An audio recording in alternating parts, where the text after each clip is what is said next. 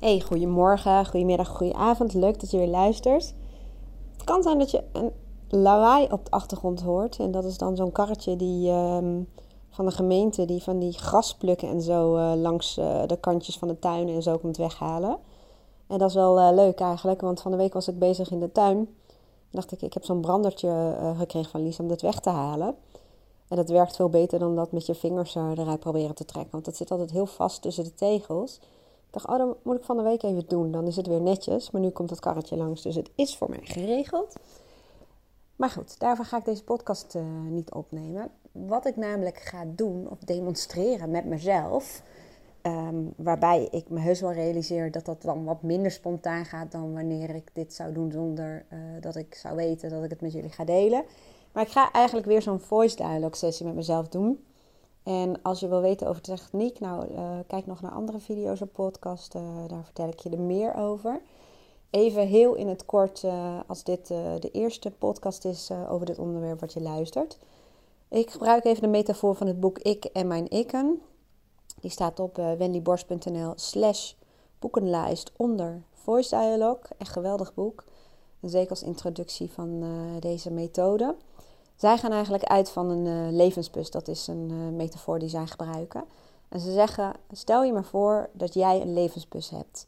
En jij zit, als het goed is, als chauffeur aan het stuur van je eigen bus. En laten we zeggen dat in die bus zitten allerlei delen van jouw persoonlijkheid. Ik heb het altijd over kanten en sommige mensen hebben het over ikken. Hè. Eh, de psychologie spreekt sowieso van over verschillende ja, um, hoe moet ik het zeggen, termen. Dus delen, stukken, ikken, kanten, hoe je het ook eigenlijk maar wil noemen. Mijn voorkeur gaat uit naar kanten. Ik vind ikken, ja, voor mij voelt dat een beetje alsof we, ik kan het woord nooit uitspreken, schizofreen of zo zijn. Echt waar, ik probeer dat woord elke keer goed uit te spreken, maar ik struikel er zelf over. Dus ik ga het ook niet herhalen, maar je weet volgens mij wel welk woord ik gebruik. En nou ja, daarom kies ik ervoor om, uh, om het over persoonlijkheidskanten te hebben. En jij zit dus als chauffeur aan het stuur van je bus, maar je bent je wel bewust van al die verschillende kanten van jou. Bijvoorbeeld, en nu ga ik het even niet over mezelf hebben, maar mensen die um, een perfectionist voelen. En die voelen dat moment dat, uh, dat ze maar doorslaan in allerlei um, ja, details. Of dat ze dingen continu uit blijven stellen omdat er een perfect moment voor moet komen. Of een moment waarop het perfect gedaan kan worden. Die voelen dat hun perfectionist bij wijze van spreken het stuur heeft overgenomen. Hetzelfde geldt voor angst of piekeren of je zorgen maken. Als je daarin blijft hangen als een soort van loopje, dan kun je er wel op rekenen dat jouw zorgelijke kant of je angstkant of je piekeraar, die heeft het stuur van jou overgenomen. En heel vaak voelt het alsof jij dan niet meer de regie hebt over je, nou ja, eigenlijk over je emoties, want die zijn daaraan verbonden. je kunt je voorstellen dat jouw zorgelijke, angstige kant ook uh, nou ja, zorg en angst als emotie bij jou uh, laat voelen. En dat jouw enthousiaste kant, of je uh, ondernemende kant, of je gedreven kant, die, die heeft bij wijze van spreken weer hele andere energie en die zorgt voor heel andere emoties. Waarbij ik ook altijd uitga dat je gedachten um, het startpunt zijn voor je gevoelens en nou ja, daarop volgend ook je gedrag en daarop volgend uiteraard het resultaat, waarbij ik ook zeg dat uh, gedachten komen soms ook voort uit zintuigelijke prikkels. Hè? Dus bijvoorbeeld warmte kan um, nou ja, een geluksgevoel bezorgen, maar mensen die paniekaanval hebben gedaan, kan bijvoorbeeld warmte ervoor zorgen dat ze bang zijn om een paniekaanval te krijgen. Nou, even kort door de bocht. Kort door de bocht blijft natuurlijk uh, wel uh, mooi gelinkt aan de metafoor. Um, even heel kort ook nog terug even in de tijd. En dan heb ik het eigenlijk in mijn geval zelfs wel over maanden. Een van mijn dominante kanten, of primaire kanten, is mijn innerlijke pusher. De pusher is een term die ik niet zelf heb bedacht. Die komt ook uit het boek uh, uh, Ik ken me ikke. En volgens mij hebben ze daar ook over de doordouwer. Of in een van andere boeken die over voice dialogue gaan.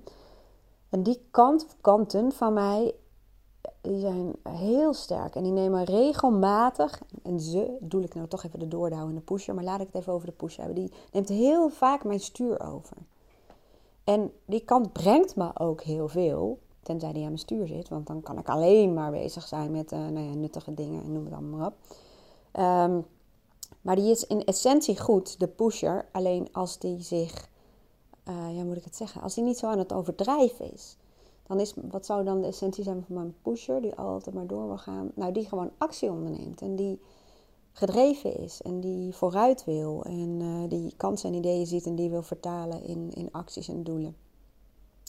De afgelopen maanden heb ik me laten verleiden om die kant te vaak aan mijn stuur te laten zitten. En het tweede doel eigenlijk van deze methodiek is uh, dus eerst je bewust worden van al die verschillende kanten en dat ook merken in verschillende uh, situaties en verschillende contexten, zeg maar.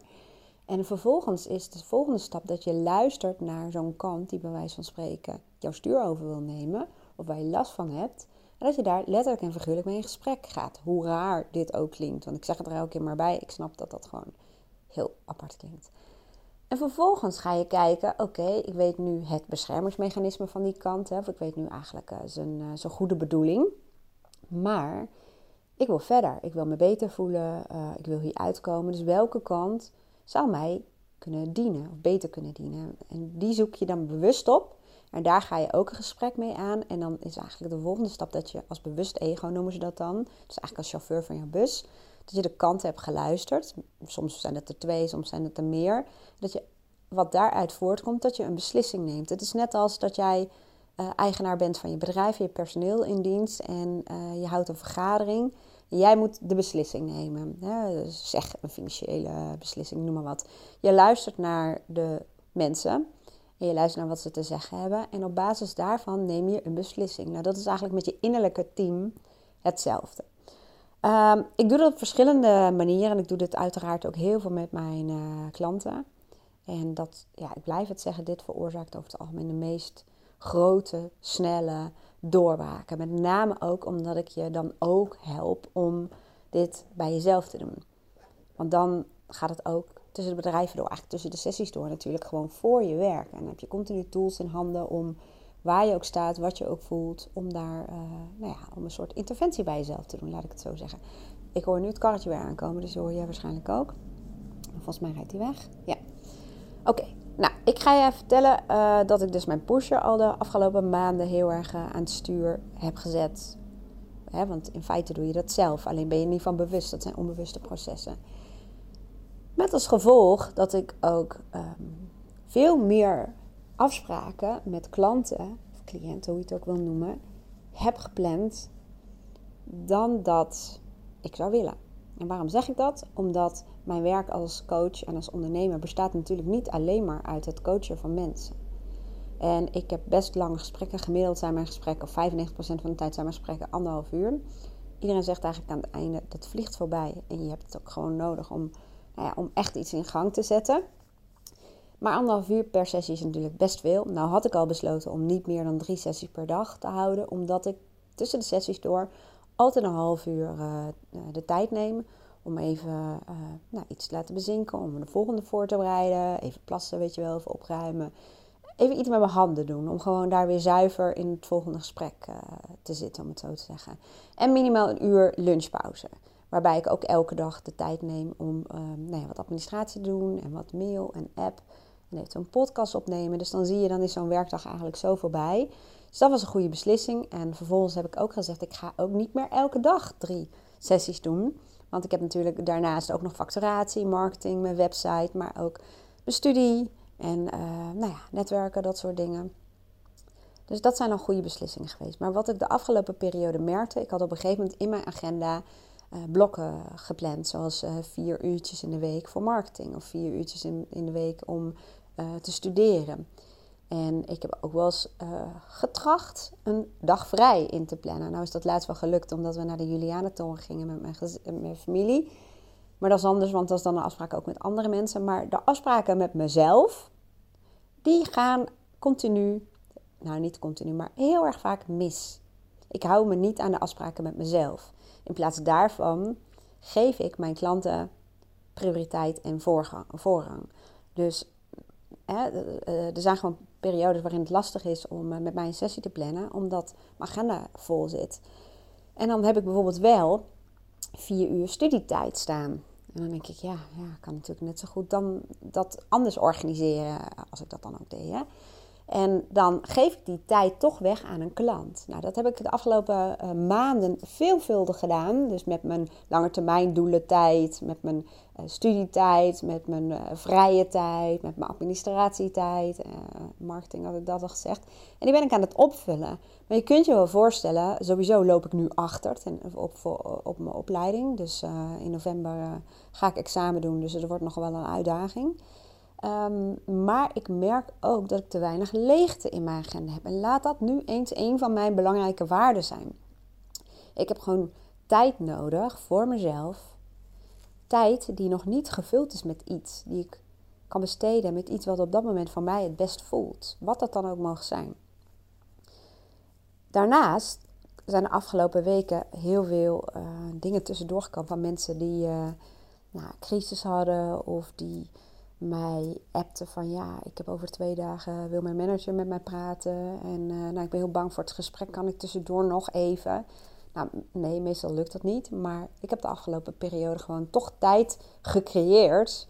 Uh, ofwel uh, heel vroeg ochtends, voordat ik überhaupt iets ga doen. Of in mijn pauze. Of helemaal eind van de dag. Of s avonds. Of dat ik dingen weer ging verschuiven. En zo want dat is ook vaak dan, hoe raar het ook klinkt, wat je aantrekt. Zo waren er allemaal van dat soort ad hoc verzoeken van anderen. Wil je dit doen? Wil je even meekijken? Kan ik toch even? Heb je tijd om? Je kent het wel, hè? En het lijkt allemaal van die kleine beetjes, maar ik voelde eigenlijk steeds meer weerstand.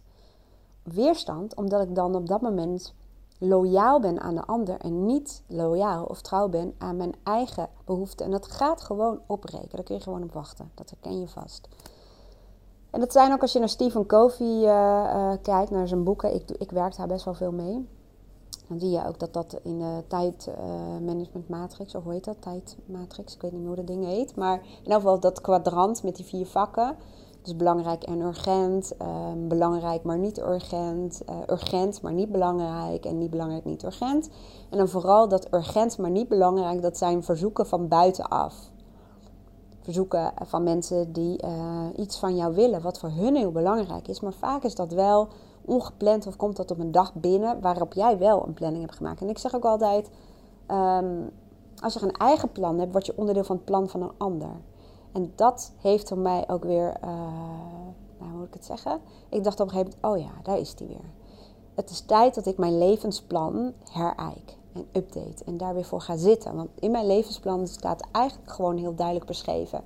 Eh, wie ben ik, maar wat zijn mijn allerbelangrijkste waarden in mijn leven? Dus, en wat hoort daar dan bij? Wie, welke mensen zijn dat? Welke activiteiten? Um, ja, wat is het belangrijkste voor mij in mijn leven? Wat zijn mijn belangrijkste doelen? En ook terugvertaald naar de huidige tijd. Van wat zijn de belangrijkste doelen voor mij uh, dit jaar of deze maand? En door daar weer scherpte in aan te brengen, heb je dus weer je eigen plan.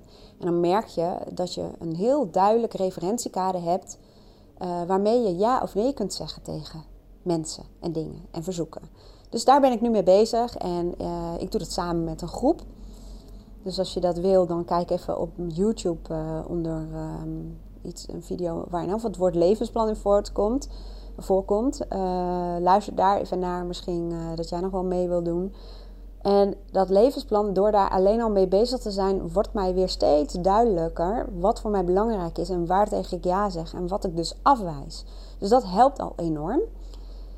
Alleen, het blijkt wel, de afgelopen weken heb ik me gewoon zoveel laten verleiden om alle, allemaal extra dingen te doen en te weinig te ontspannen. En dan kom ik ook in zo'n high vibe, zullen we maar zeggen. Dan neemt mijn pusher het over en die wil maar door en die wil maar door en die wil maar door en die wil alleen maar nuttige dingen doen dat ook de tijd die ik dan wel vrij heb, toch stiekem weer gevuld wordt met nuttige dingen. Hè, met alle goede bedoelingen van mijn uh, pusher. En vorige week was ik jarig, afgelopen vrijdag. En ik had twee sessies uh, staan. En ik was echt, ik was gewoon geïrriteerd. En ik was uh, moe. En ik had echt zoiets. We gaan, Aaron en ik hebben altijd in het najaar nog een weekje vrij. En ik dacht, ik heb ook helemaal geen zin om, om überhaupt weg te gaan. Ik ben gewoon te moe om weg te gaan gewoon zin om niks te doen. Toen dacht ik, oeh, dat is vaak wel een teken dat je iets te lang hebt onderdrukt. Als je echt zegt, ik verlang zo erg naar, of ik heb het zo erg nodig, of ik zou wel in een hutje op de hei. Nou, dat, is vaak, dat, dat is vaak het teken dat je te lang een kant van jou, of meerdere kanten van jou hebt onderdrukt. In mijn geval, mijn nou ja, mijn nietsnut, die zit bij wijze van spreken in mijn verstoten deel van mijn bus. Dus de verstoten kant, dat mag er voor mij niet zijn. Maar mijn, um, um, ja, mijn luie kant, of ja, het luie is eigenlijk doorgeschoten vanuit de ontspannen kant of relaxte kant. Maar mijn relaxte kant heb ik uh, verstoten, mijn ontspannen kant heb ik verstoten. En de kant van mij die uitrust en die zich ook uh, bewust is dat dat gewoon heel belangrijk voor mij is. Dus hoe ik bij mij, um, of nou ja, ik zou, hoe ik dit bij mezelf doe, en met dit bedoel ik hoe ik mezelf goede richting op help. Want ik merk nu, het is nu uh, maandag, het is volgens mij 2 september. En ik heb een hele dag tot, nou ja, tot half vier, tot mijn afspraak zeg maar, heb ik een studiedag. Maar ik had al van het weekend uh, besloten van ik ga die studiedag, uh, ja, daar ga ik nu niet trouw aan zijn. Ik, ik zorg dat dat een dag wordt waarin ik op dat moment bepaal wat ik ga doen. En ik ga gewoon rust nemen en herstellen. Nou werd dat voor mij nog wat urgenter. We zijn namelijk een weekend naar Francorchamps geweest, naar het uh, circuit voor de Formule 1. En dat was hartstikke uh, leuk en indrukwekkend. En gewoon ja, de sfeer die daar hangt. En uh, ja, nou ja, je krijgt ook wel een kick van die geluiden en dat soort dingen. Alleen op zaterdag wij hadden een hele tijd op een bepaalde plek gestaan bij een bocht. Ik weet even de naam niet meer. Maar mijn stiefvader was mee. Die zei van, nou dat is een bocht waar gewoon, dat ogenschijnlijk een niet zo gevaarlijke bocht. Maar het is een bocht waar gewoon dingen misgaan. En waar, ja, waar de foto tot uiting komen. Wat soms ook best wel heftig is. En nou, we hadden het daarover. En op een gegeven moment liepen we daar weg. Achteraf gezien gelukkig. Dus we liepen daar weg. Dus de plek waar we eigenlijk de hele tijd hadden gestaan. We gingen op een gegeven moment gingen we even op een tribune zitten. En toen keken we. En toen zag ik uh, Formule 2 auto's. En die waren aan het racen. En ze waren in een soort van bocht aan het strijden om, uh, om elkaar in te halen. Nou, en wat blijkt nu? Dat in die bocht daar een coureur zat. Waarvan, ja, het klinkt wel heel heftig, maar dat is het ook. Waarvan ik gewoon de laatste seconde heb waargenomen van zijn leven. En ja, je kunt denken, dit gaat heel diep, dat je er zo diep over nadenkt. Maar ja, dat, dat is ook een kant van mij die doet dat. Die zegt tegen mij, ik had namelijk daar een foto gemaakt en ik had gewoon echt een heel shit gevoel daarover. Echt een heel naar gevoel. Maar dat kan waarschijnlijk omdat ik waarschijnlijk zintuigelijk al iets op had gemerkt wat daar verderop in de bocht gebeurde, waar we net vandaan kwamen. Want dat is ook heel vaak zo, dat je zintuigelijk onbewust iets oppikt, wat jou gewoon een heel naar rot gevoel geeft. Maar je kunt het nog niet duiden. En dat was op het moment dat ik een foto maakte. En um, wat blijkt nu? Dat die coureur, die is um, tegen de bandenmuur aangegaan en over dwars op de baan komen te staan. En daar is dan de volgende coureur opgeklapt. En die jongen is overleden.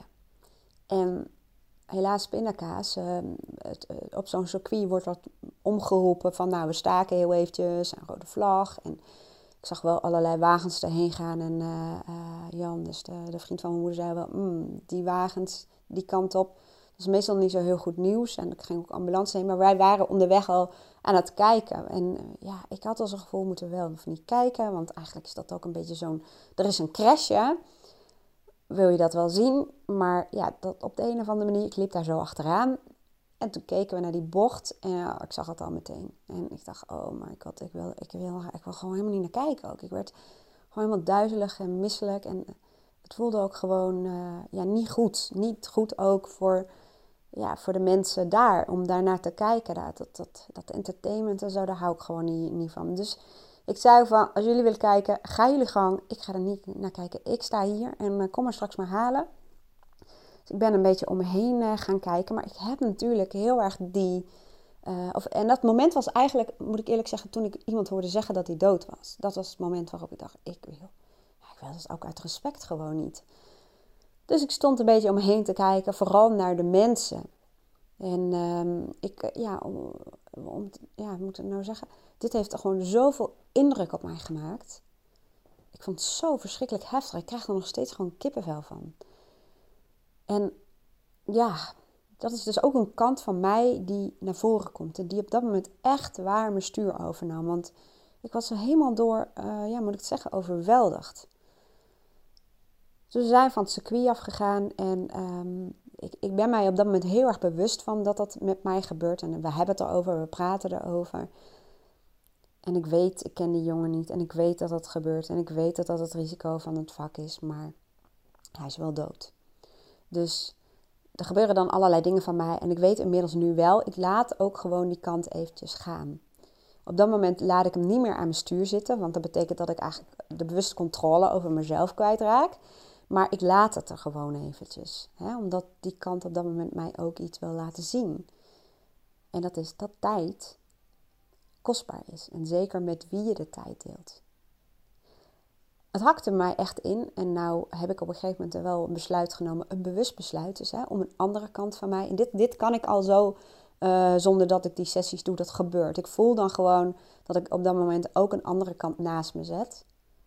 Waardoor ik me weer beter ga voelen. En waardoor ik het eigenlijk gebruik als uh, voeding ja, voor mijn eigen leven. Hoe heftig dat ook weer mogen klinken. Dus we zijn lekker ergens gaan eten. En uh, we hebben even in bed op mijn kleine telefoontje. Of nee, mijn telefoon is helemaal niet klein, maar het is gewoon een klein schermpje. Hebben Aaron en ik nog even in bed. Ik krijg teek, een beetje. Nee hoor. Volgens mij zit hij niet hoor. Maar we zijn op bed even een Netflix-serie uh, gaan kijken. En we hebben gewoon lekker geslapen. En de volgende ochtend zijn we uh, opnieuw naar het circuit gegaan. Dat was uh, zondag en toen zou de Formule 1 er ook zijn. En toen heb ik er ook bij stilgestaan. En ik zei ook van, goh, ik hoop wel dat ze iets van ja, iets doen. Of hoe zouden ze dat hier doen? En, en Aaron en, en Jan, de vriend van moeder, die zeiden... Ja, ik denk dat de boel gewoon allemaal doorgaat. En ik zat meer als vrouw van... Ja, maar dat kan toch helemaal niet? En dan moeten ze toch bij stilstaan? En dan moeten hun toch ook wat doen? En zo zat ik daar maar. En ik ga even de deur open doen voor de kat, die niet van ons is, maar naar binnen is geglipt. Dus je hoort even wat geluid. De kat is trouwens wel mijn rolmodel als het gaat om helemaal niks doen. En puur ontspannen. Maar uh, nou, we gingen die, uh, die volgende dag in. En ik, ik, ik betrapte mezelf continu op dat, dat die kant van mij, die daar zo van onder de indruk was, die kwam steeds eigenlijk naast me staan. Die nam niet meer mijn stuur over. Maar die was daar wel bewust. Uh, ja, of nee, hoe moet ik zeggen? Die kant maakte mij continu wel van bewust dat dat um, gisteren had plaatsgevonden. Die tragedie, of hoe zeggen ze dat? Dat drama. En dus ik was ermee bezig, maar anderzijds was ik ook gewoon bezig met de dag. En dat is denk ik ook een beetje de hele truc, hè? dat je iets er laat zijn, dat je bijvoorbeeld ook de ruimte geeft aan iets anders en dat het gewoon op de achtergrond meedraait. En ik denk dat dat uh, overigens bij heel veel mensen die dag ook was. En ik kan me ook voorstellen dat dat ook geldt voor de uh, coureurs, zowel van de Formule 2 als de Formule 1.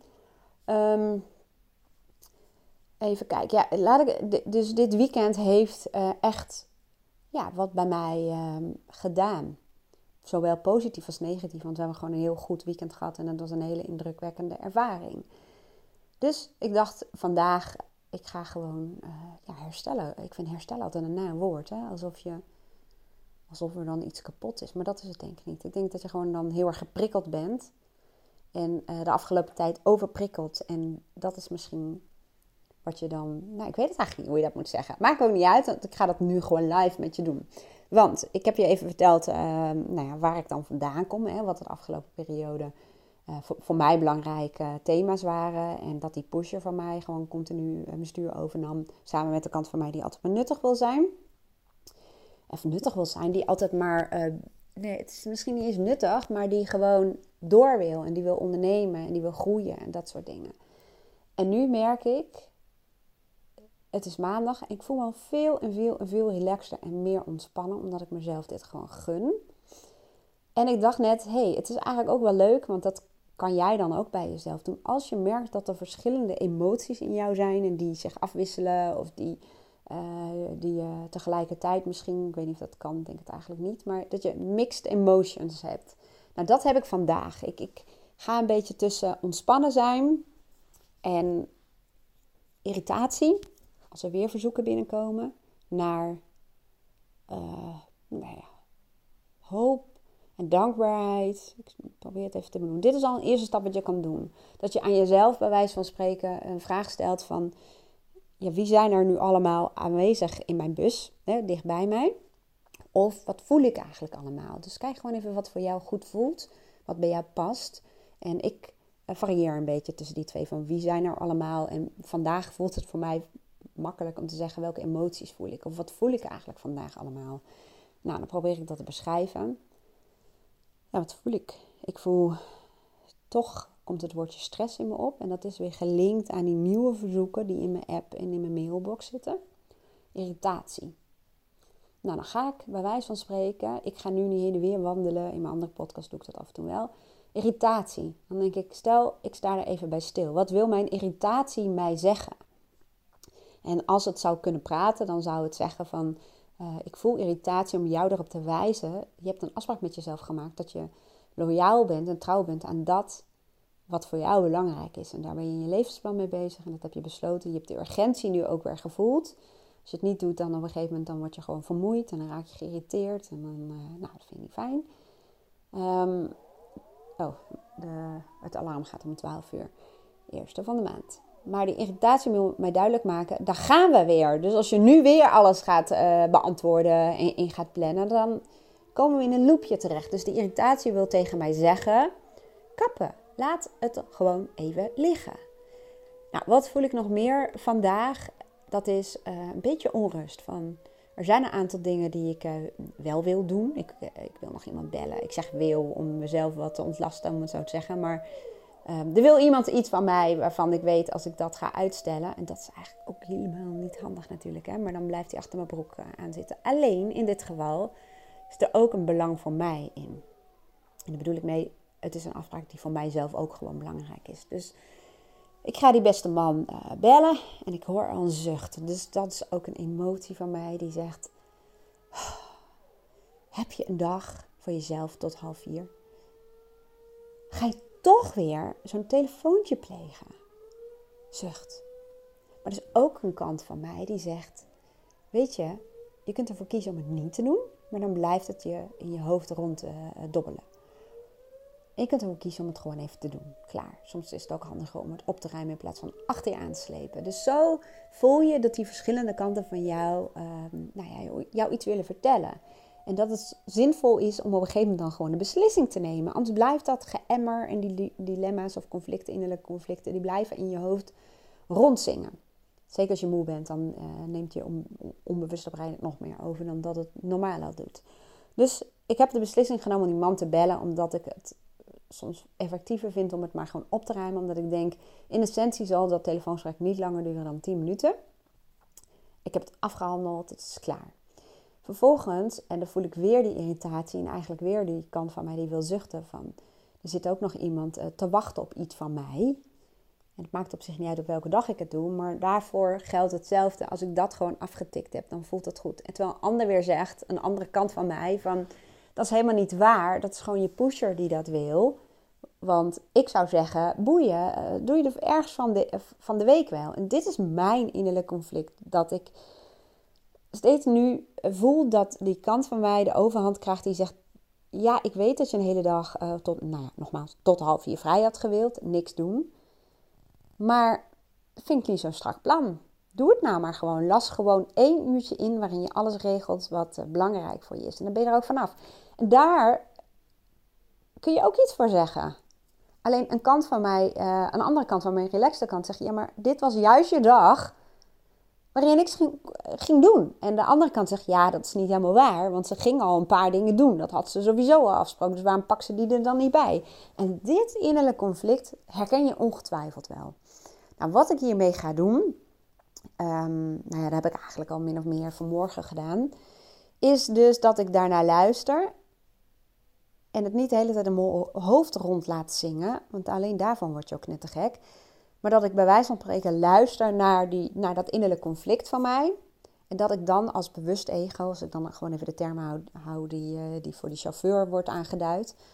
Hè, als ik de chauffeur ben van mijn eigen bus, dan luister ik naar al die, uh, nou ja, die kanten van mij. En vervolgens neem ik gewoon een beslissing, een bewuste beslissing. Klaar. En dat zorgt voor helderheid. En dan is er nog steeds van mij een kant die toch wel schreeuwt en behoefte heeft aan een hele, echte, hele lege dag. Want de kant van mij zegt ook, ja, je hebt om half vier een afspraak. Dus ja, weet je, die hele dag, dat is toch niet vandaag. Dus je kunt beter dan een, echt een hele dag uh, kiezen om niks te doen. Dus wat ik hiermee ga doen, ik hoop echt dat ik jou hiermee help met deze podcast. Dat het niet te abstract wordt. Want mijn doel is natuurlijk ook dat ik je hiermee inspireer. Om je een stukje herkenning te laten ervaren. Van, oh ja, dat heb ik ook. Werkt dat dus zo? En anderzijds om je ook te leren van hoe kan je daar dan bij jezelf mee omgaan. Dus wat ik dus doe, hè, eh, stap 1, ik luister naar die verschillende kanten. En dat kan op verschillende manieren, maar in dit geval heb ik het gewoon gedaan door ja, even stil te staan bij die emoties. Of kanto, hoe je het ook wil noemen. En wat ik ook doe, ik heb dan een bewuste beslissing genomen op basis van wat ik heb gehoord. En ik weet nu, ik ga uh, de dingetjes regelen. Ik neem een uurtje om alles uh, even te regelen, mensen te bellen, mailtjes, appjes af te handelen. Plus om voor de komende weken mijn agenda door te gaan en te kijken of ik niet toch wat kan snijden in mijn agenda. En als dat niet lukt, om in elk geval voor oktober een paar vrije dagen alvast in te plannen. En een kant van mij zegt oktober is veel te ver weg. Dus daar moet, moet, moet. Daar moet ik ook wat mee. Of daar wil ik ook wat mee. Dus dat is te ver weg. Dat is ook te ver weg. Dat is gewoon nog een maand. Dat, dat gaat natuurlijk niet werken. Dus kortom, ik, door dit zo hardop te spreken, dus dat is ook iets wat ik jou adviseer. Gebruik net als ik gewoon je, je dictafoon van je telefoon. En probeer gewoon je innerlijke conflicten dus op tafel te leggen. Om bewust te worden van de innerlijke conflicten in jou. En wat voor ja, persoonlijkheidskanten van jou uh, ten grondslag liggen aan dat conflict. Dus ik heb nu duidelijk nou ja, het verlangen, de behoefte om toch op korte termijn tijd in te lassen. En ik hoor elke keer die hele lege dag, hele lege dag, hele lege dag. Dat hoor ik elke keer. Alleen ik ga gewoon kijken op basis van mijn agenda. Van als het niet een hele dag kan, dan ga ik gewoon proberen. Proberen is al, dat weet ik al. Als ik op mezelf proberen hoor, denk ik nee, het is niet stellig genoeg. Ik ga er in elk geval zorgen om ruimte in mijn agenda te creëren. Dus dat uh, in oktober ga ik sowieso een paar lege dagen plannen. En in de loop naar oktober toe weet ik dat het belangrijk is dat ik dat ook doe.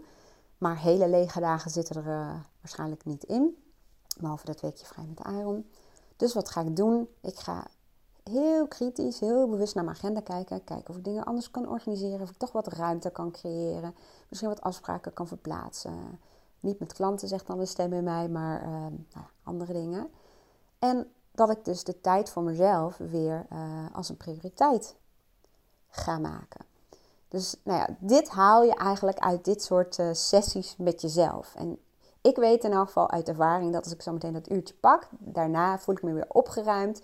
Heb ik het gevoel, ik heb de regie genomen over mezelf en dat innerlijke conflict. En ik heb ook weer perspectief. Ik heb perspectief op een aantal uh, vrije uren, op een aantal vrije blokken. En misschien zelfs toch wel op een, uh, op een aantal vrije dagen. Waarin niks gepland is. Waarin ik bij wijze van spreken ook mijn mail en mijn app niet hoef te doen. En als ik de hele dag wil lezen of met iemand uh, wil zijn of op pad wil gaan of naar de intratuin of mijn auto wil wassen of het huis wil doen, dat maakt dan niet uit. Dat is gewoon iets wat ik op dat moment beslis. En dat gevoel dat ik de tijd heb om te doen waar ik behoefte aan heb en wat mij gelukkig maakt, dat is voor mij vrijheid. En vrijheid is een waarde. Dus in essentie zou ik kunnen zeggen dat de afgelopen tijd heb ik me laten verleiden om mijn vrijheidsgevoel in te wisselen voor de behoeften van andere mensen. Zo zie je maar, hè? als coach blijf je ook altijd leren. Ik zou bijna zeggen, als coach blijf je vooral heel veel leren. En ben je ook heel erg bewust van dit soort dingen. Nou, ik hoop dat ik jou hiermee een stukje herkenning heb gegeven. En wat ik nog meer hoop, is dat jij hierdoor wat inzicht krijgt in hoe dat bij jou werkt en wat je eraan kunt doen om dat conflict te doorbreken en de regie over te nemen. Nou, ik zou zeggen, dankjewel voor het luisteren. En ik hoop je binnenkort weer te zien op YouTube of op Soundcloud of op iTunes of op uh, Spotify waar je dit ook uh, luistert. En zit je op YouTube en ben je nog geen abonnee? Nou, het zou voor mij heel leuk zijn als je wel abonnee zou worden. Je hoeft alleen maar eventjes een stukje naar beneden en met je vinger of je muis op abonneren te klikken. En dan krijg je uh, de komende tijd gewoon vaker filmpjes van mij in je tijdlijn. Ik wens jou een hele fijne dag en graag tot de volgende keer.